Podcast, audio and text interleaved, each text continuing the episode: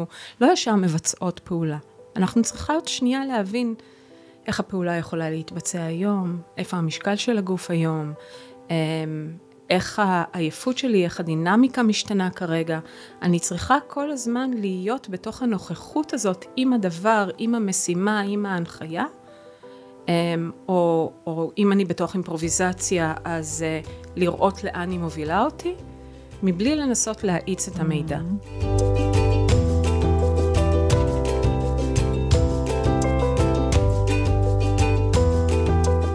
שלום, אנחנו בפרק נוסף בפודקאסט המתחיל בתנועה, ואני אילנית אדמו"ר. ובעצם המטרה של הפודקאסט הוא לאפשר לאומנים, חוקרים, אנשים שנמצאים בסביבה שחוקרת תודעה וגוף ותהליכי למידה ושינויים, ולאפשר איזה שיח פתוח, כנה, פשוט, שיאפשר לכל מי שרוצה רגע להצטרף לחקירה הזאת, או מי שכבר בתוכה אז עוד לשמוע עוד צדדים. והיום לשמחתי הרבה, דוקטור עינב קטן שמיד, שהיא קודם כל ראשת החוג אה, למחול בסמינר הקיבוצים. אבל בשבילי, איך שהכרנו, הכרנו לפני הרבה שנים, אבל אחד המקומות הנפלאים בהיכרות שלנו היה, שאמרת שאת חוקרת פילוסופיה עם מחול, זאת אומרת שאת גם פילוסופית וגם מחול, ושבעצם את חוקרת בין פרקטיקה, שהיא מעשית, תרגול נקרא לזה לעת עתה, mm-hmm. לבין המקום ההשראה, הפילוסופיה, המילה אפילו, ואחד הדברים שכשהכנתי את עצמי, אהבתי מאוד את המשפט שכתבת, או איפשהו כתבו עלייך, שאת מבקשת להסיר את המחיצות בין פרקטיקה לתיאוריה, בין דיסציפלינות, שעוד נסביר מה הכוונה, mm-hmm. בין גוף למחשבה. וכששמעתי אותך, או שיצא לנו עוד ועוד להכיר, כי הכרנו בכמה מעגלים, מסטודיו לשיחות, ועוד נדבר על זה, היה לי חוויה כל כך טובה, כי תמיד הרגשתי שאני מתעסקת בהמון פילוסופיה, וכשהכרתי עוד את העשייה שלך, אמרתי, אה, זה באמת מקצוע כזה. אז קודם כל, ברוכה הבאה ושלום. תודה רבה, תודה רבה על ההזמנה, אילנית. ברגע אז אולי נצלול ישר למה הכוונה פילוסופיה של המחול באופן שאת עושה וחוקרת כבר שנים רבות? Hmm. אני אולי אחזור אז למשפט על הקשר של החיבור בין פרקטיקה ותיאוריה והמחיצה בין הדיציפלינות. מעניין, אז איך, איך בעצם, איך, א', איך זה הגעת לזה? כי בעצם התחלת לרקוד, והיית בתוך אפילו תיאטרון כן. שגיליתי שאנחנו מחוברות עוד מעולם התיאטרון אי שם, ותרגלת הרבה ולמדת הרבה אצל מגוון מורים רחב בארץ ובחו"ל, ואיך הגעת להיות פילוסופית? אז זה התחיל מ, בעצם ממסלול שהוא היה מסלול נורא מפורק. אמ, נורא אהבתי לרקוד. Hmm. שיחקתי בתיכון וגם כן קצת אחרי התיכון. אמ, והדבר היחיד שנשאר לי משם זה באמת החיבור לגוף והרצון כל הזמן להיות בסטודיו ולרקוד. והמשכתי לרקוד כל החיים. ומעבר לזה, אמ, את התואר הראשון שלי עשיתי בתוכנית הרב-תחומית באומנויות, באוניברסיטת תל אביב, ומשם המשכתי להיסטוריה, פילוסופיה של המדעים והרעיונות. ומשם... גם באוניברסיטה העברית, או שזה כבר בחו"ל? באוניברסיטת תל אביב. בתל אביב. באוניברסיטת נכון. תל אביב. ומכון כהן. ו... ובאותו הזמן רקדתי. התחלתי ללכת אה, לשיעורי בוקר גם כן אה, בלהקת בת שבע אצל אוהד נהרין. אמ, עקבתי, אני חושבת, אחרי כל השיעורים של יסמין גודר כשהיא, שהיא נתנה בתל אביב באותה תקופה, אמ, ביקורי העיתים. ובשלב מסוים היה לי את החיבור הזה ש... בשלב מסוים היה לי את החיבור הזה ש... שבעצם אה, היצירה במחול, או האופן שבו אוהד נהרין עובד, אה, מתקשר לאופן שבו אני חושבת. מה הכוונה? אה, זה היה עניין של תהליכים, זה היה איזשהו סוג של insight, שאותו התחלתי לחקור, ואותו ניסיתי לבדוק. המאסטר שלי, העבודת תזה שלי, עסקה בעצם בקפקא. היא עסקה במילים. דיברת על החיבור בין, אה, מילה בין תנועה, ו, תנועה mm. ומילה. ויש משהו בקפקא שפעולת המשמעות שלו קיימת באופן שבו הוא מחבר בין מילים, וזה לא במובן המילולי של המילה, וגם לא במובן המטאפורי של, המיל, של המילה, אלא בפעולה שהוא מעביר את הקורא. פעולת חוסר ההבנה או ההבנה או, או הצורך ללכת קדימה ואחורה בטקסט, על מנת למצוא את הדרכים למשמעות. וזה ממש האופן שבו הוא מחבר משפט או מפרק משפט. ואז כשהתחלתי להסתכל על המחול, וזה היה התחום ש, שאני עוסקת בו ממילא, מבחינה כוריאוגרפית, התחלתי להבין את פעולת המשמעות כפעולה. וזה היה עוד לפני שקראתי פילוסופים כמו ג'ון אוסטין, שמדברים על פעולת המשמעות בתוך המילה, על תיאוריות של, של משמעות כפעולה ולא, ולא רק של ערך של אמת ושקר. זאת אומרת שרגע נפרק, זה מילה שמניעה אותי, ואם אני אחבר את זה לאוהד נהרין, הרי הטכניקה שלו, של הגגה, הוא עושה הרבה, אבל הטכניקה הספציפית של הגגה, בעצם המורה מדבר, כל הזמן הוא מדבר דרך דימויים שמניעים. אבל פה אני עדיין לא מדברת אה, על הגגה, גם זה נכון, גם מה שאמרת עכשיו. אני מדברת אפילו על פעולה כוריאוגרפית, על העניין הזה של אה, פירוק והרכבה של... אה, פירוק והרכבה של איכויות תנועה, ושל טקסטורות um, פיזיות. כמו לדוגמה, תני um, דוגמה. כמו למשל כוח מתפרץ. Um, כמו למשל uh, לראות uh, ספירות של אנשים במרחב ואיך הן מתקשרות אחת עם השנייה. ואז פתאום את מתחילה לראות יחסים בתוך המרחב, ואז היחסים האלה מתחילים לספר uh, סיפור. אז רגע אולי רק נגיד לאלו שמקשיבים לנו שהם לא מהעולם שלנו, שהרבה מתוך הפעולות של עולם המחול בכוריאוגרפים זה בעצם לייצר צורות שיש כן. מאחורי משמעות. וכדי שמספר רקדנים, או אפילו זוג רקדנים, יעשו את אותה תנועה באותו אופן, יש זמן ארוך, מושקע, עמוק, שסופרים אותו, למרות שגם יש גישות כבר שלא סופרות, אבל לגמרי. יש איזשהו אופן, בטח מסורתי של ספירה. כדי רגע לארגן את הצורה שנוצרה מתוך איזשהו תהליך של חקירה. כן. ונגיד המילה שאמרת, זה מתפרץ, או איך אמרת את המילה? אה, כוח מתפרץ. כוח מתפרץ, יכול להיות שהכוריאוגרף נותן דימוי כזה, ואז הרקדנים או המשתתפים מנסים לחפש בגוף שלהם. למשל, רגע אני מנסה לשתף את אלו ש... כי לנו העולם הזה כל כך מוכר, כן. ובעצם הפעולה הזאת של ארגון, לפחות בשבילי, באופן שאנחנו הרבה מדברות, ואנחנו מדברות המון, אנחנו אוהבות לדבר, וזה תענוג. הרבה פעמים אני מרגישה שאת מצליחה ליצור ארגון לאיזושהי מחשבה שהיא גם פילוסופית וגם תנועתית, וגם בסוף יש לה איזשהו מעשה, וזה אחד הדברים שאני יודעת שאצלך כאילו המקום, וזה, וזה מקום שמאוד נוגע לליבי עמוק, שבין הפילוסופיה לבין הארגון, לבין גם מעשה ופעולה. כן. אז יש כאן כמה אלמנטים. יש כאן את האלמנט התחבירי, שזה באמת הפעולת משמעות שמתקיימת באופן שבו מציבים מילים, או באופן שבו מציבים תנועות, ויש כאן גם כן איזשהו סוג של מנוע פנימי שאת uh, כיוונת אליו גם כשדיברת על העניין הזה של ההנחיות תנועה, um, שכיוונת לתוך הגגה, שזה שיטת העבודה של uh, אוהד נהרין, מחקר התנועה של אוהד נהרין. שזה פעולות שמניעות אותך uh, בתור רקדנית או בתור מישהי שחוקרת תנועה, להבין תנועה ביחס לתנועת המשמעות שעוברת אצלך. כלומר, הקשר בין מילה ובין תנועה. עכשיו, הקשר בין מילה ובין תנועה הוא מאוד מאוד הדוק. Um, יש פילוסופים, כמו ג'ורג' לייקוף ומרק ג'ונסון, שהם פילוסופים של, אה, של אה, קוגניציה. שמדברים למשל בשני ספרים שנקראים, אחד מהם נקרא Philosophy in the Flesh, והשני נקרא Metaphors We Live By, שני ספרים שהם כתבו ביחד, הם כתבו עוד מלא. תרגום חופשי שלך לכותרות? פילוסופיה בבשר. והשני הוא גם מטאפורות לפיהן אנו חיים. שהם, אה, שני הספרים שהם כתבו יחד, הם כתבו גם הרבה ספרים לחוד, והם בעצם מדברים על זה שה, שהיכולת ההבנה המילולית שלנו נטועה בזה שיש לנו גוף. כלומר, היכולת שלנו להבין מושגים מורכבים, מושגים מופשטים, נטועה בזה שיש לנו יכולת קודם כל אה, להבנה שהיא מאוד מאוד קונקרטית, מאוד אה, מוחשית בעולם, והיא תמיד ביחסים של אה, מרחב, זמן, ואז גם מושגים מופשטים אנחנו מבינים ביחס למרחבים של זמן ומרחב. את מדברת לא בהקשר של מי שמתרגל או רוקד, כולנו. כולנו, כולנו. שומעים מילים שנשענות על איזושהי חוויה שקשורה לגוף, זמן ומרחב, בלי כן. קשר להאם אני עושה ספורט או מתרגל.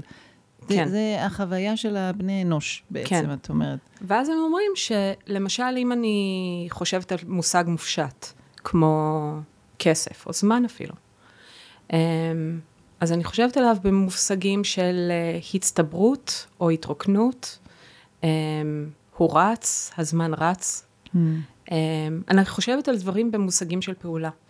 ואז כש, כשאני מבינה פעולות ואני מבינה מערכות יחסים מורכבות, אז אני יכולה להבין גם מערכות יחסים שהן, אה, שהן כבר מורכבות בתוך התחביר שלהם. ואז בגלל זה ההבנה שלנו היא, היא סמנטית, אבל היא לא, היא לא לשונית רק בלשון מדוברת, היא יכולה להתקיים בכל מדיום אחר. זאת אומרת שאני גם כשאת אומרת לי, תשמעי, הזמן רץ עכשיו, או אה, יש לי חוויית תחוסה, כאילו, את אומרת, אנחנו מרגישים את זה? יש לי חוויית תחוסה, כן.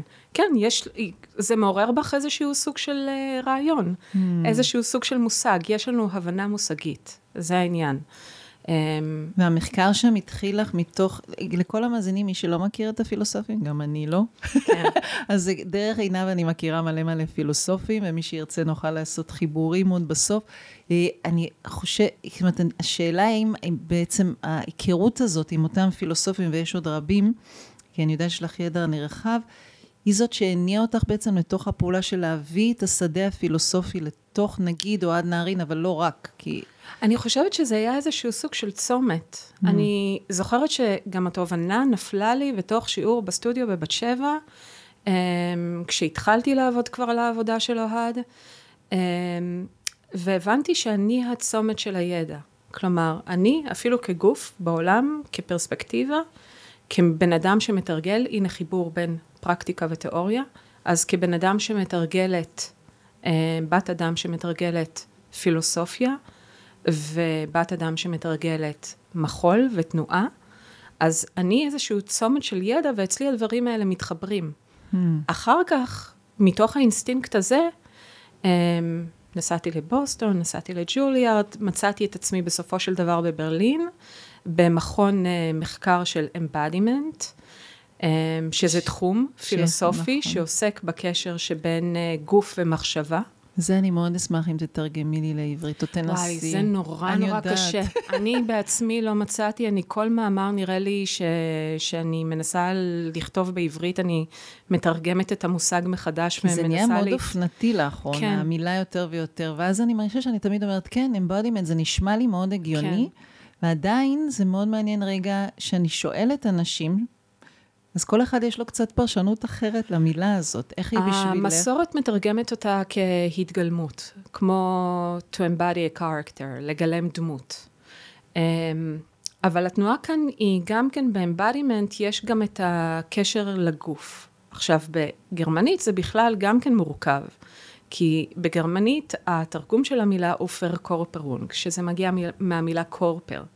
אבל בעצם בפילוסופיות של, אה, של גוף, כשמדברים על הקשר בין גוף ומחשבה, אנחנו לא מדברים על Körper, Körper זה קצת כמו גוף, כמו גופה, כמו איזה גופה ריקה, mm. אלא אנחנו מדברים על Leib, שזה מתקשר גם קצת למילה Leben, um, למילה חיים, כאילו זה הגוף החי. בגרמנית. יש הבחנה בין הגוף לגוף mm. החי. אז בעצם הגעת לגרמניה, לתוך המקום שבו את חוקרת מילים, ופתאום את נמצאת בשפה חדשה. כן. שבעצם נתנה לך עוד אפשרות להקשיב מחדש למילים. כן, את מדברת גרמנית. כן. אז איך כן. זה פתאום להיות חוקרת על אומן אה, מאוד ידוע, אבל עדיין ישראלי, אה, בגרמניה, כותבת ספר, ספר שהפך במושגים אקדמיים לגמרי לרב-מכר. אה, איך זה היה שם, דווקא שם לכתוב עליו? יש משהו נורא נחמד בלעבוד מחוץ לשפת האם. זה משהו ש... כשאני זוכרת את זה, גם uh, בקט היה כותב uh, בצרפתית, למרות שהוא היה אירי, mm. um, על מנת uh, לפתח איזושהי סוג של מודעות לשפה. Um, כשאנחנו פועלים ופועלות מתוך, מחוץ לפרקטיקות שאליהן גדלנו, מתוך, מחוץ לעולם שאליו התחנכנו, פתאום אנחנו שמות לב למודעות הזאת שבין uh, מעשה ובין רעיון. Um, ופה אני מתחברת חזרה לקשר שבין פרקטיקה ותיאוריה. כי כל צורת מחשבה שאנחנו מתרגלים ומתרגלות, נושאת בתוכה משמעות. כלומר, האופן שלי, אמ, האופן שבו אני מתרגלת תנועה, זה האופן שבו אני חושבת מרחב. האופן שבו אני מתרגלת רעיון פילוסופי, מתרגלת פילוסופיה מסוימת, זו הפרספקטיבת המבט שלי על המציאות גם כן. ככה אני חושבת את המציאות. Mm. אמ, אז הדברים האלה יוצרים עבורנו את הפרספקטיבה שדרכה אנחנו מביטות על העולם, ו, ובאמצעותה אנחנו פועלות בעולם. וכשאנחנו יוצאות מתוך תרבות האם שלנו, אז uh, נוצר משהו שהוא נורא נורא יפה. כאילו מצד אחד את חושבת לפי תרבות האם שאליה גדלת, ומצד שני את מתחילה גם לפתח איזשהו סוג של ריחוק, שגורם לך להסתכל על הדבר הזה מבחוץ, ריחוק רפלקטיבי, ופתאום להבין שאפשר לשחק במשמעות ולראות למה המשמעות הזאת מתהווה. Hmm. ביחס לתרבות המסוימת שבתוכה גדלת, או ביחס לתרבות אחרת. ואז כתבת את הספר באנגלית. כתבתי את הספר באנגלית. ואז הוא תורגם, או שעדיין. ואז הוא תורגם. ואז הוא תורגם. אני בעצם, אה, הרי 14 שנה לא חייתי בישראל, שזה יותר מחצי מהחיים הבוגרים שלי. אה, ו... ובשלב מסוים, ה... דיברת על החיבור בין דיציפלינות, בשלב מסוים האינטרדיציפלינריות והרב-תרבותיות הפכו להיות איזשהו סוג של uh, מפתח עבור העשייה שלי. Um, כי מצד אחד uh, כתבתי באנגלית והתנהלתי מול עולם אקדמי שמתנהל ברובו באנגלית. מצד שני חייתי בגרמניה, דיברתי בגרמנית, תקשרתי באופן מקצועי בגרמנית. Um, עם הרופא, ב... עם הרופא, עם המוכרים בסופר, והכל בגרמנית. ומצד שני, אני שפת האם שלי זו עברית. אמ, והזוגיות גם... שלך היא באנגלית. הזוגיות שלי... או גם גרמנית, הבן זוג שלי? נע, אנגלית הפכה להיות... Uh, הבן זוג שלי הוא גרמני. Um, האנגלית הפכה להיות איזושהי שפה שהיא נוחה, כי שנינו מאוד מאוד טובים באנגלית, ו... והיא הפכה להיות שפת ביניים, ואז אף אחד מאיתנו, אף אחת מאיתנו לא... לא בשפ... בבייס לא, שלו של השפה. כן, אה, ואז יש יותר שוויוניות. בתוך האנגלית יש בינינו שוויוניות. אז אני רוצה רגע לחזור עוד רגע לאוהד, ולמקום כן. שבעצם מתעסק הרבה, עוד פעם, במילים דרך mm-hmm. דימויים. ודימויים זה עולם שאנחנו בעולם המחול והתנועה חיים אותו, לפעמים אפילו בלי לשים לב. בואו נתקרקע, בואו בוא נקשיב, כאילו זה מילים ש, שזורות. שהופכות לפעולה. זה מילים נכון. שהופכות לפעולה. ועם זאת, יש איזה מקום שמתעסק גם, כי המילים הם כל הזמן הוראות, בין אם אני מדגימה או לא מדגימה, והדימויים יכולים להיות כמו תבלין שם, אה, או כדבר בפני עצמו. ואני מרגישה שאחד הדברים שאצלי מאוד מסקרנים אותי, כי אני כשהתחלתי לרקוד, שהיו אומרים לי, אה, בואי נעבוד עם מים, הייתי אומרת, אה, אוקיי, איפה המים, מה קורה? כאילו הייתי צריכה איזושהי הוראה פיזית, לקח לי המון זמן להתחבר ולהגיד, אה, מים, וזה לא שהאסוציאציות שלי לא היו פתוחות, היה איזה פער, כיוון שנכנסתי לעולם, הוא היה לי כל כך זר. כן. וכשאני מלמדת בעצמי, אני מאוד משתדלת להגיד, עכשיו אנחנו זזים במרחב כמו מים, מי שהדימוי לא עובד לו, פשוט שילך לא בקווים ישרים. זאת אומרת, לדוגמה, אני מנסה לתת משהו פיזי עם דימוי. כן. ואיכשהו לאפשר לאלו שלא קצת דרך להתקרב. ושהגגה יצאה לעולם, היא ממש נשענת על דימויים, ועם זאת היא מאוד מייצרת גם דימוי מסוים, כי יש רקדן במרכז, שבדרך כלל מראה משהו ומדבר בו זמנית. ואני מאוד סקרנית לשמוע. את מדברת על השיעור עצמו. על בשיעור עצמו. כן. כאילו, איך את רואה את, ה, את ההקשר הזה? כי דימוי... אמרת המון דברים שמעוררים אצלי המון uh, מחשבות. Um, אני אלך שנייה על העניין הזה של השימוש בדימויים, כי אני חושבת שהשימוש בדימויים הוא קודם כל איזשהו סוג של עוגן לפרשנות, ואז משהו שאת אמרת שאת עושה, שאת uh, מסבירה איך לחשוב אודות הדימוי, אז את נותנת כאילו עוד עוגן של פרשנות לעוגן של הפרשנות. אבל בעיקרון, אני תכף אסביר את עצמי. לא, זה, כי תנועה... זה לא מה שאני עושה בדיוק, זה אני, אבל אוקיי. אבל בעיקרון תנועה מחולית היא תנועה מורכבת. היא לא תנועה פשוטה בעולם. היא, במובן הזה, היא קצת דומה למילה שהיא מילה ספרותית, ולא רק אה, מילה בתוך היום-יום. כלומר, הפעולה המחולית היא לא רק פעולה שהיא פונקציונלית, שהיא באה לשרת מטרה בתוך העולם, כלומר, אני לא מרימה כוס, אמ, אלא יש בה איזשהו מטען שהוא גם, אה, שהוא סוג של נראות, אשליה, אמ, סמל הופך, כאילו, mm-hmm. יוצרת איזושהי סוג של משמעות, בגלל, אה, יש בה הבעה, בגלל שהיא לא, שהיא לא מתכוונת רק ל, לאיזשהו משהו שהוא חיצוני לה.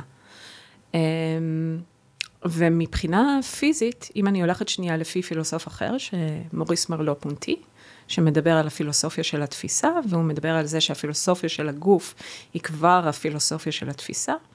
אז מרלו פונטי למשל מדבר על ה-body schema, על סכמת הגוף, אמ, כסכמה שהיא דינמית, שהיא, שהאופן שבו אנחנו לוקחות אחיזה בעולם, זה האופן שבו אנחנו מתכוונות בתוך העולם הממשי. רגע, אבל אחיזה הוא מתכוון איך אנחנו יושבים, הולכים, כן. אה, הטונוס בגוף. כן, כן, כן, אוקיי. כן. אנחנו כל הזמן התנועה נמצאות... התנועה היומיומית. התנועה היומיומית שלנו, אני מתחילה מתוך התנועה היומיומית, הוא גם ממשיך ומפריד, אבל התנועה היומיומית שלנו, יש בה התכוונות מרחבית, למשל, אני עכשיו יכולה להרים um, כוס מים, אז אני צריכה להשית את ידי לכוס המים, אני רואה אותה במרחב, אני לא צריכה לחשב את התנועה, אני יכולה להרים אותה, אני לא צריכה לחשב את המשקל, הגוף שלי הוא כבר מדיום של פרשנות, שמבין את כל הדברים האלה ומבצע את התנועה באופן... Uh, באופן uh, רציף והרמוני, ואני לא צריכה לחשוב על זה.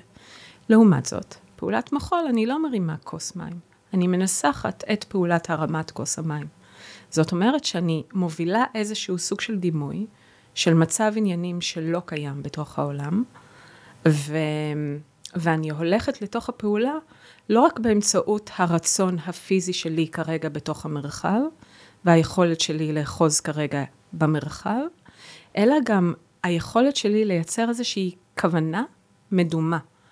אמ, עכשיו, הכוונה המדומה הזאת יכולה בכל טכניקה להיות אחרת. היא יכולה להיות קווים במרחב, אם אני הולכת עכשיו לפי כתב תנועה, אמ, כיוונים, אם יכולה להיות דבלופה, אה, פסה, אה, אמ, קווים של בלט. היא יכולה להיות אה, איקוסהידרון שלפיו אה, לבן אה, בונה את תפיסת הקינוספירה שלו. היא יכולה להיות הפירוק של הדבר אצל פורסיית, כאילו גם כן רישום וכתיבת מרחב. אמ, והיא יכולה להיות גם דימויים שהם דימויים מוחשיים, ואז הם גורמים לנו לחשוב על התחושה שלי בתוך איזשהו סוג של מרחב מדומה, שזה מה שהגגה עושה. שבעצם אה, השמות פה שזרקנו היו בין הכתב תנועה ולבן זה שיטות תנועה ומחקר, כן. ושכל אחת מהן נושאת גם פילוסופיה שלמה, והתרגולים יכולים להיות בחלקם שנראים מאוד אחרת גם, למרות שכולם מחפשים את אותו חיבור. ובתוך זה רגע נחבר לתוך הנושא שלנו בין היום-יום, בין ההרגלים לבין הצאת להרגלים. כי בעצם גם אותו רקדן שנכנס ושומע את הפעולה, בין אם זה דבלופר, בין אם זה ספירה כזאת או אחרת של uh, כתב תנועה או חו, יש משהו, ככל שאנחנו מתרגלים יותר, נהיים יותר מיומנים במשהו. נכון, כי הידע ו- מצטבר אצלנו. ואז איך אנחנו בעצם מחפשים דרך הדימויים שמניעים אותנו לצאת מתוך איזשהו הרגל ולגלות משהו שיכול להיות פיצי, פיצי, פיצי קטנטן, כי ככל שאנחנו מיומנים יותר, אנחנו בעצם יותר בהרגלים, זה המיומנות כן. גם משהו שהוא מוכר.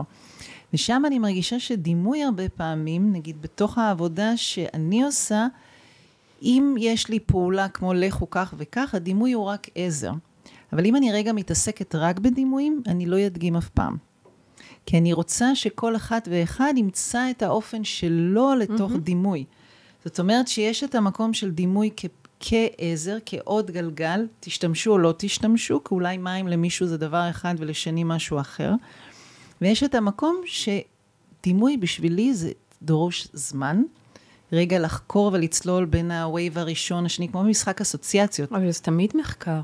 כלומר, תמיד להביא איזושהי תנועה לתוך הגוף, הנה, דיברנו על embodiment, mm. תהליך של גילום. אז יש כאן את התנועה של אה, לקחת איזשהו סוג של דימוי, ועכשיו לחקור אותו ולהפוך אותו למעשה, לתת לו חיים. Um, uh, התחלתי לדבר מקודם גם כן על המושג הזה של embodiment, אז אני רוצה לחזור אליו, כי דיברנו על התרגום ולא חזרנו אליו. Um, אז דיברתי על העניין הזה של כמו לגלם דמות, אבל מדובר הרי גם על הגוף. כי בעצם פילוסופיות של embodiment הולכות לשני הכיוונים. מצד אחד גילום רעיון בחומר, אבל מצד שני שהגוף עצמו הוא כבר uh, מדיום של מחשבה. אנחנו לא חושבות מחוץ לגוף, אלא אנחנו חושבות כי אנחנו בתוך הגוף, כי אנחנו חושים פועלים mm. בעולם. אבל uh, איבדתי את השאלה כן, שלך. כן, אבל, אבל זה נפלא שאיבדת, כי, כי אחד המשפטים שאמרת, uh, מצאתי, אני כבר לא זוכרת, באחד כן. המאמרים כן. שראיינו אותך או שאת כתבת, אמרת, במסורת המערבית, אומנות גוף לא נחשבה כמשהו מספיק רציני לחשוב עליו. כן. שלא כמו פילוסופיה של אומנות, או ארכיטקטורה, או קולנוע, להם יש טקסטים רבים. חקר המחול נותר כתחום נעדר מסורת פילוסופיה מבוססת, נקודה, ואז עוד משפט, זה הולך ומשתנה. זה לגמרי הולך ומשתנה. ואחד המוטיבציות שלי לפודקאסט הזה היא קצת להמשיג את העולמות הרבים, המורכבים, המרתקים בעיניי, אה, של עוד פילוסופיה שהיא לא צריכה לבטל את הזמן סטודיו, אבל היא גם כערך בפני עצמו, גם אם לא מגיעים לסטודיו mm. בעיניי. וזה אחד הדברים ש, ש, שבמפגש שלנו אמרתי, או, oh, יש פה מישהי שחולקת את ה... את להחזיק בשני הדברים שאנחנו מכירות מהתחום, יוצרות ויוצרים מדהימים, שלא התפנו או שלא רוצים בכלל לשבת לכתוב את הדבר.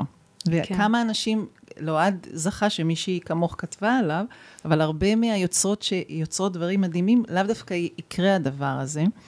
וזה כן מחזיר אותי קצת, אם, אם נחזור רגע, והשיחה הזאת איתי תמיד נפתחת למלא דברים, לא ניגע בהכל, אבל אה, למשהו ש, שהיה מאוד מעניין שקרה לנו בתוך הקורונה. כן. אה, בזמן הסגרים, אה, הזמנת אותי. אה, לקבוצת למידה שלנו, שכולם נכנסו לתוך הזום, וגם אני, ולימדתי שעות, ואני הייתי בין אלו שנורא התלהבתי גם, ושמחתי באפשרות, כי זה אפשר לי לשנות את כל ההרגלים שלי בהוראה, לראות את המניירות שלי. זה עשה ממש טוב, וזה בסופו של דבר שירת את הקהילה שהייתה סביבי כעוגן פעם בשבוע. נכנסים לזום ורוקדים עם המשפחה, עם הכלב, עם הכביסה, עם הכל. שזה עוד חיבור בעיניי בין החיים והתנועה. ואת הזמנת אותי ל-Let's Talk About Dance, יחד נכון. עם, עם ישראל, אני לא יודעת מי יזם כן, את זה. ישראל ארלוני הוא היה היוזם של, ה... של המפגשים. כוריאוגרף שחי באוסטרליה ופועל רבות, הוא, הוא כבר הוא עזב. הוא אחד הכוריאוגרפים המובילים את IL Dance, שזה ישראל ולי ברומר, ישראל אלוני ולי ברומר. Um, הוא היה המון שנים בשוודיה, ישראלי במקור, עכשיו הוא חי באוסטרליה, כל הזמן על קו. שזה מאוד מעניין, כי בעצם במפגש הזה, שפעם בשבוע החלטנו, אחר כך זה הפך לפעם בשבועיים שהסגרים נפתחו, אבל ישבנו והחלטנו לא זזים, אין מנחה אחד, אף אחד נכון. לא uh, לקח על עצמו את האחריות לנושא. ואנחנו נמצאים בזום, שוהות, שוהים ביחד, היינו משהו בין חמישה לשבעה, לפעמים שלושה, אה, ואנחנו מדברים על מה קורה בזוויות שונות בעולם, ככה יצא, ומזוויות אולי מעט שונות גם של פרקטיקה, של מה התרגולים של כל אחד מאיתנו. כן. וזה היה מרתק אה, להיות, כי זה בעיניי היה אפשרות רגע לעכל את מה שקורה ולשתף פילוסופיה, וממש כאילו, ישראל אמר, אנחנו לא רקדים, אף אחד פה לא מוביל עכשיו חימום. כן. אז מאיפה זה בא בעצם הרצון הזה? זה היה... דיברנו על זה קודם כל שהפילוסופיה של המחול זה דבר שהולך ומשתנה. ו- וזה הולך ומשנה גם את הפרקטיקה, שבאמצעותה כוריאוגרפים וכוריאוגרפיות חושבים וחושבות היום בעולם. אמ, וזה משהו שהוא כבר שינה בעבר את שדה האומנות. אני זוכרת שדיברתי על זה עם יאיר ברק, שהוא ראש אה, בית הספר לאומנות אצלנו בסמינר. Mm. ושלאומנות כבר יש את המסורת של הדיבור של האומנות מתוך האומנות, בתוך האומנות, כאילו זה, זה משהו שהוא נורא מובן, החיבור בין האומנות והדיבור שלה. והמחקר אמ, והכתיבה. והמחקר, וגם אמ, אם אני שנייה מקשרת את זה, אני חוזרת ל-Let's Talk about dance, אל תדאגי. Mm-hmm. אם... אם אני מקשרת את זה גם כן לכותרת של הספר שלי, של Embodied Philosophy in Dance, אמ, פילוסופיה מגולמת במחול, זה לא פילוסופיה אודות המחול, אלא שהמחול עצמו הוא כבר פילוסופי. והמחקר של המון כוריאוגרפים וכוריאוגרפיות עכשוויות. אמ, מתעסק גם כן בקשר שבין אה, רעיון, רעיון חברתי, רעיון תרבותי, והאופן שבו אנחנו חוקרות אותו בגוף, או חוקרות אותו בתוך הפרקטיקות האומנותיות שלנו, ובאמצעותו אנחנו מבינות מה אנחנו אומרות עליו, ואיך אנחנו מבינות אותו. ישבו איתנו גם uh, עידן uh, גורליצקי, ו... ושקד דגן הצטרפה בתקופה שאת... עידן שהוא גם כוריאוגרף כן, ישראלי שחי כן, בגרמניה. יצא שיש הרבה... גם שקד, כולם חוץ ממך, כל הישראלים חוץ ממך, היו גם לא ישראלים שם, היו בעצם מהגרים, מהגרי ידע. היה מרתק. אמ, וזה גם כן היה משהו שחיבר אותנו בתוך הקהילה הזאת. Mm. הצורך הזה למצוא, למצוא בתוך המרחבים של הקורונה, פתאום את היכולת לדבר אותנו, לדבר את נקודת ההשקפה שלנו בעולם, שהיא מצד אחד קשורה לחיים ומצד שני קשורה לאומנות, אבל הם לא נפרדים זה מזה. לגמרי. כלומר, האומנות והחיים הם מאוד מאוד קשורים. אז גם אם אנחנו מדברות על, על מחול היום, אז אנחנו מדברות על מחקר שעובר דרך הגוף.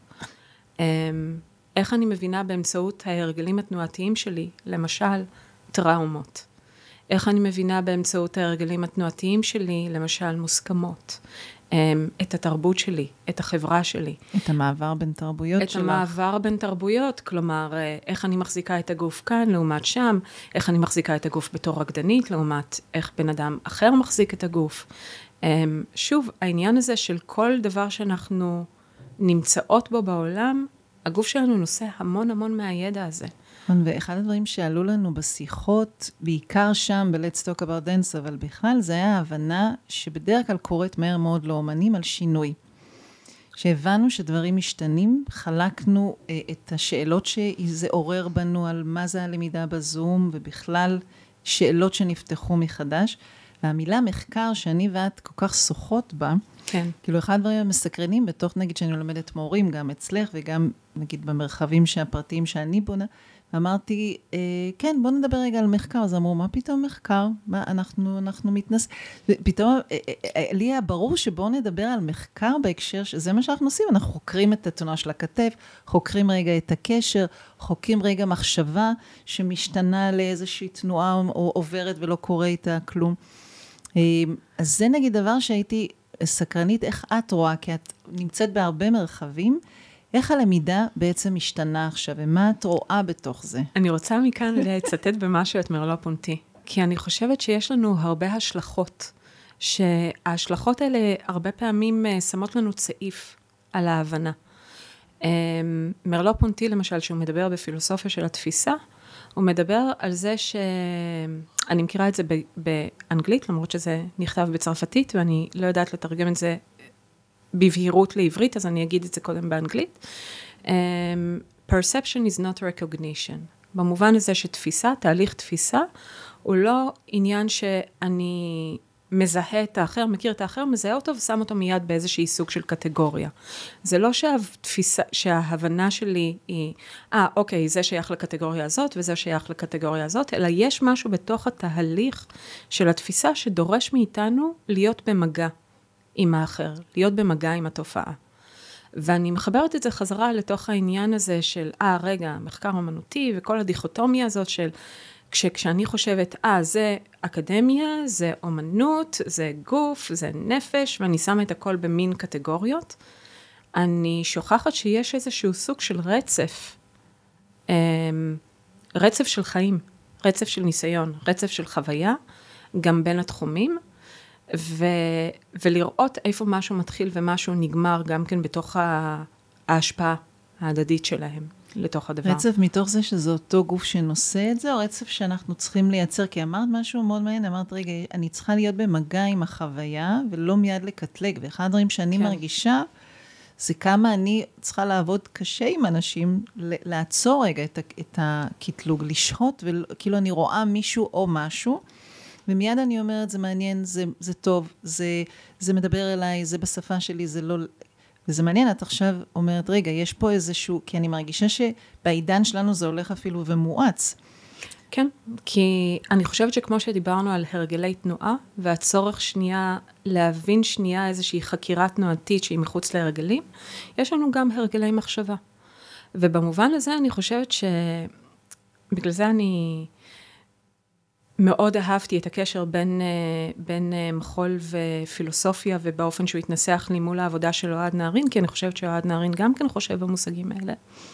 יש למשל אצל uh, הפילוסוף הגרמני אדמונד הוסר, שהוא גם פנומנולוג, והוא אחד מהפילוסופים שגם מרלו פונטי מתייחס אליו. הוא מדבר על האתגר של הפנומנולוג, של האתגר של הפילוסוף, שהוא אתגר פסיכולוגי, שנייה להשהות, לשים בסוגריים, קורא לזה שימת העולם בסוגריים, um, את כל המושגים שלנו ואת כל הידע שלנו ברגע שאנחנו מנסים להבין תופעה חדשה, מנסות להבין תופעה חדשה. אומר, אל תדאגו. הידע שלכם יבוא ויתנסח אחר כך. אבל שנייה להיות במגע עם הדברים, שנייה להבין את הדבר כמהות יוצאת דופן mm, בעולם. כאילו לשהות. לשהות שנייה בתוך הדבר, לשהות שנייה בתוך המגע עם הדבר. ו... וזה אותו הדבר גם כן uh, כשאנחנו חוקרות תנועה, הרי אנחנו לא ישר מבצעות פעולה. אנחנו צריכות שנייה להבין איך הפעולה יכולה להתבצע היום, איפה המשקל של הגוף היום, אמ, איך העייפות שלי, איך הדינמיקה משתנה כרגע. אני צריכה כל הזמן להיות בתוך הנוכחות הזאת עם הדבר, עם המשימה, עם ההנחיה. אמ, או, או אם אני בתוך אימפרוביזציה, אז uh, לראות לאן היא מובילה אותי, מבלי לנסות להאיץ את המידע. Mm-hmm. אני, אני הרבה, אתמול בדיוק העברתי איזה שיעור לקבוצה שרוצה גם להופיע כקבוצה באימפרוביזציה, שזו משימה בפני עצמה, ואז אמרתי, תראו רגע את הזמן בין חימום, בין כוונון, בין מחקר, לבין האימפרו. כאילו יש זמן שהוא מחקר, ולפעמים בתוך האימפרוביזציה קצת מתבלבלים בין רגע כן. כוונון, שיכול להיות לפעמים שכל ההופעה היא רק כוונון, היי, זה יכול לקרות, לבין רגע מחקר שצריך לקרות, לפי נושא, לפי, לבין הרגע שנקרא לו פואטי, הוא רגע שמשהו שם יותר בתוך מודעות של בחירות גם, ולא כן. רק, ה, ו, וזה מאוד מאוד מעניין לראות איך ה, בשפות שונות אנחנו מוצאות את אותו מהלך, ובתוך זה, מזה שגם את מחזיקה מרחבים רבים של למידה, וגם אני, אני יכולה להרגיש כל הזמן את השינוי שקורה בתלמידים שמגיעים, בשאלות, בזמן שנדרש לתהליכים. ואני אשמח לשמוע ממבט, אה, מהפוזיציה שלך ומהמקום שלך ומהידע שלך, mm. איך את מרגישה את המהלכים ולאן זה הולך? כי אין ספק ש, שיש פה שינוי, כולנו יודעים, בכל כן. רובד, המילה הזאת הרי כבר עוד מעט תהיה מטאפורה שחוקה. ואיך זה בעצם מתרגם? כי אנחנו שוהים רגע, כי אנחנו עוד לא יודעים, או אני מרגישה, שאני מרגישה וואי. את השינוי, ואני לא יודעת את כולו, אני רק, ברור לי שיש בו צורך. זה נורא נורא עדין, וזה כל פעם חידה מחדש, וזה כל פעם איזשהו סוג של התכווננות אה, רגשית אפילו, רגשית ופיזית וקוגניטיבית, כל הזמן, כל המישורים האלה בו בזמן.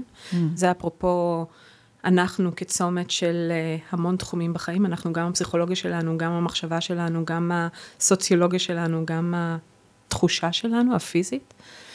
אמ, כי כי להיות בתוך עניין של שינוי, במיוחד אם זה שינוי שאת רוצה להוביל, או שינוי שאת מתנגדת אליו, אמ, זה באיזשהו מקום להיות בעבר ובעתיד, בו בזמן, ולנסות לשלוט בהם מבלי, והרבה פעמים כאילו אנחנו שוכחות להיות בתוך הרגע.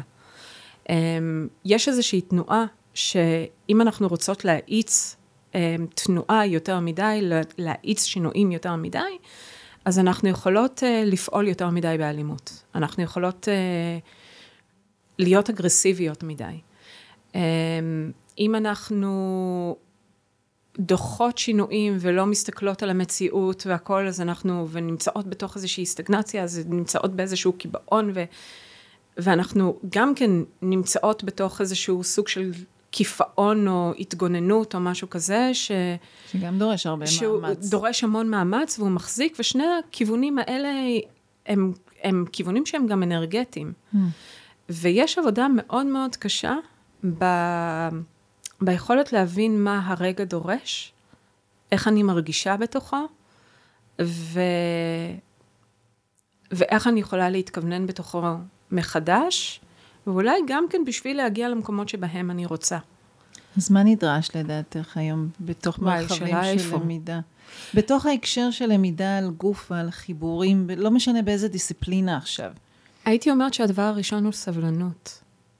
וזה הנכונות, שנייה, לשהות בתוך הרגע, ולא לנסות לשלוט בו מבחוץ. ואני חושבת שזה כמו שהוסרל אומר על האתגר של הפילוסוף, לשים שנייה את הידע בסוגריים, אז לשים שנייה את הרצון בסוגריים, ו... והרצון הוא שם. כלומר, אם אני לא מנסה שנייה לדחוף את הרצון שלי, ואני רואה מה הרגע צריך, אבל אני עדיין, הרצון שלי עדיין נמצא בתוכי. Um, בסופו של דבר אני אגיע לשם, mm. כי אני מכוונת לשם, אבל אני גם הרבה יותר זמינה להבין מה הרגע דורש, ואיך אני יכולה להגיע באופן יעיל יותר. זה קצת האיך, כאילו כן. האופן של, של המימוש. כי אני מרגישה שחלק ממה שציטטתי אותך בהתחלה, בהתחלה, כן. לפני שנים שהתחלנו, זה בעצם המקום של להוריד מחיצות.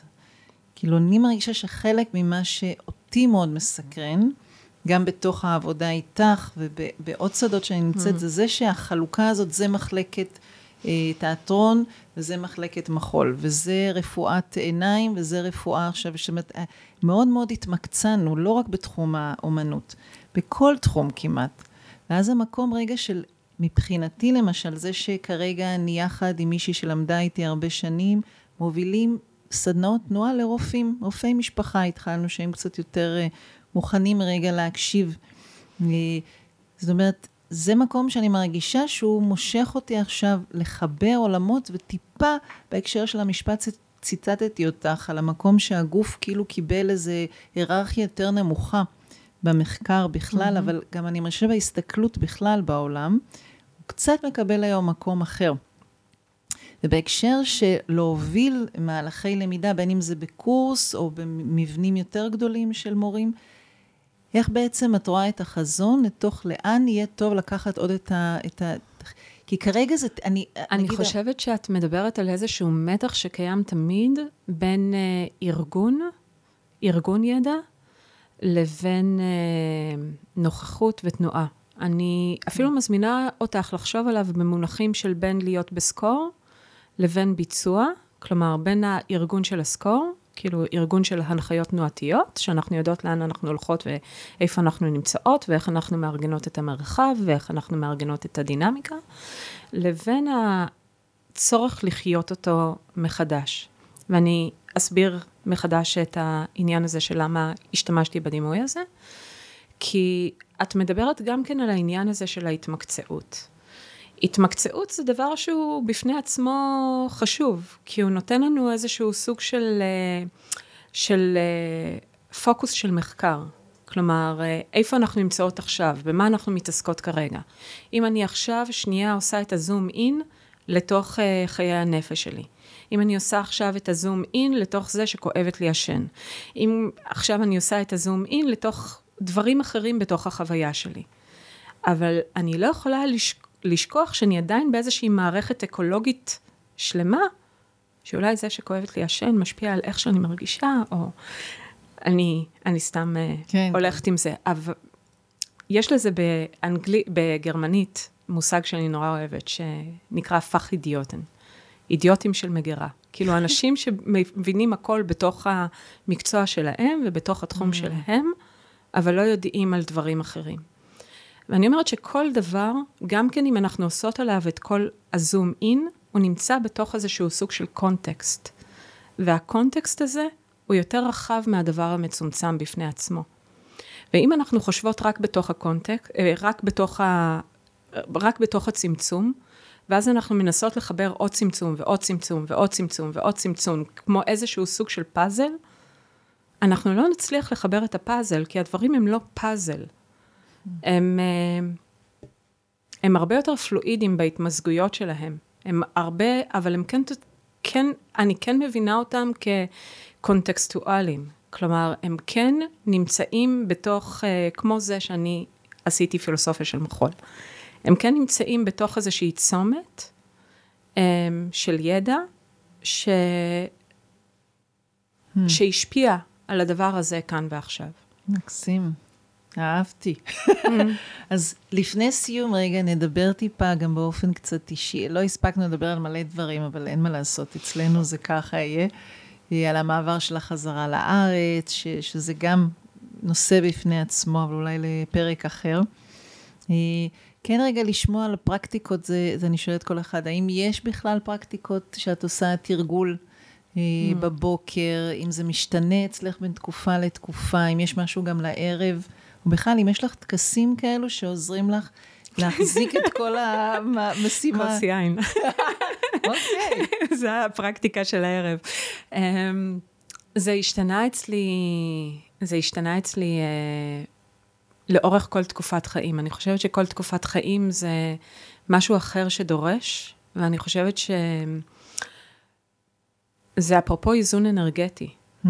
אני חושבת שבכל תקופה אני צריכה איזשהו איזון אחר שיתמוך בי, שיתמוך בגוף שלי, שיתמוך בנפש שלי. Um, כרגע אני זקוקה להמון בהייה.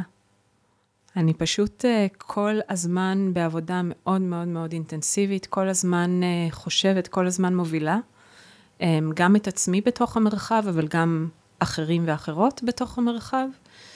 ואו שאני קולטת המון אינפורמציה וצריכה לארגן אותה. אמ, אני קוראת המון, אני מדברת המון, אני זזה המון. את ו... לוקחת לך זמנים כאלו של בייה, או שזה רק קורה לך, ואז את אומרת, הנה, עכשיו? Um, אני קמה הרבה מעבר. לזמנים שבהם אני צריכה לצאת מהבית. כאילו, גם אם זה יהיה בשבע בבוקר, אני אקום בחמש בבוקר, mm. כי אני לא יכולה להאיץ את עצמי בבוקר. אז אני צריכה את הבעיה. Um, אני כן צריכה תרגול יוגה. Um, יש תקופות בחיים שאני עושה את זה כל יום, יש תקופות בחיים שמשהו בתוך האיזון, um, זה הולך לי לאיבוד, אבל um, היוגה מאוד uh, מקרקעת אותי. גם. זה מעניין, כי אנחנו כבר אה, ככה בסדרה של מועד, וכולם עד עכשיו, בואו נראה מה יהיה בהמשך, אמרו שהם קמים מאוד מוקדם. כן. וכולם אה, ערים לתרגול, אבל מאפשרים לעצמם להשתנות בתוכו. גם נמרוד שהיה פה אמר שהוא מאוד כזה כמוני, כאילו תמיד מחזיק. אמר לו, עכשיו אני יושב ובוהה, ואני לוקח לי זמן עם איזה תה מסוים, ואני מסתכל, ואני צריך את הזמן הזה בין האינפוט לאאוטפוט, ככה. לגמרי. אז, אה, אז אני חושבת שכל, ואני שואלת את זה ומשתפת את מי שמקשיב ומקשיבה, כי אני חושבת שלפעמים מי שנכנס אל תוך המשמעת של תרגול, ופתאום מפספס איזה שבוע, שבועיים, יש איזו חוויה מאוד לא מוצלחת, ואז מניחים לזה. במקום רגע להבין שכמו המזג אוויר וכמו העונות, יש תקופה שזה טוב כל יום, ויש תקופה שאפשר פעם בשבוע, ויש תקופה ששבועיים לא עושים כלום, או אפילו שנה, ועדיין אפשר לחזור, וכמה זה כמו עוגן, כשאתה יודע שזה קיים וזה בסדר. זה כאילו לא חייבים רק, אה, בטח בתקופה הזאת שהכל משתנה לנו. אני חושבת על שתינו כרגע בתוך השיחה, ואני חושבת עד כמה המיתר הזה בין אה, להחזיק לבין לשחרר הוא עדין. עד כמה גם שתינו מדברות על לא להיצמד לאיזושהי פרקטיקה אחת ותרגול, אבל עדיין כאילו להיות בתוך איזושהי מסגרת שבתוכה אני פועלת. Mm. אמ, וגם אצלי זה בין להניע את עצמי, ללדחוף את, את עצמי, לבין להניח לעצמי, לדעת מתי לשחרר, ואיכשהו זה, זה דיאלוג שהוא תמיד, אמ, שהוא אף פעם לא באיזושהי הרמוניה מושלמת אצלי לפחות. אלא תמיד יש שם איזשהו סוג של מתח, אבל המודעות למתח עוזרת לי להשתנות. והנה, הנה דוגמה פשוטה לכולם, איך אני אומרת דברים ואת מנסחת כל כך טוב אותם. אז קודם כל, תודה רבה. זה תמיד תמיד תענוג. איזה כיף שגם אחת השיחות שלנו מוקלטות עכשיו. כן. כי הרבה פעמים שדיברנו, אמרתי, אוי, זה היה מעולה אם היינו מקליטות. זה היה נפלא. אז, אז, אז קודם כל, תודה רבה. אני מקבלת ולומדת ממך המון. וזו הזדמנות להגיד תודה רבה. ושנמשיך לה, להיות בכל מיני מרחבים שאנחנו חוקות, מדברות, מסכימות, לא מסכימות, משתפות, אה, אה, מביאות את מה שיש לנו לעולם, ואני מאחלת לך אה, שיהיה לך כל פעם את הכוח ואת העוגנים המדויקים והלא מדויקים. להמשיך את העשייה שאת עושה. ותודה רבה רבה רבה, אילנית, על כל התמיכה תמיד. כלומר, עצם זה שיש עוד קולגה במרחב להישען עליה, זה, זה המון. תודה רבה. תודה.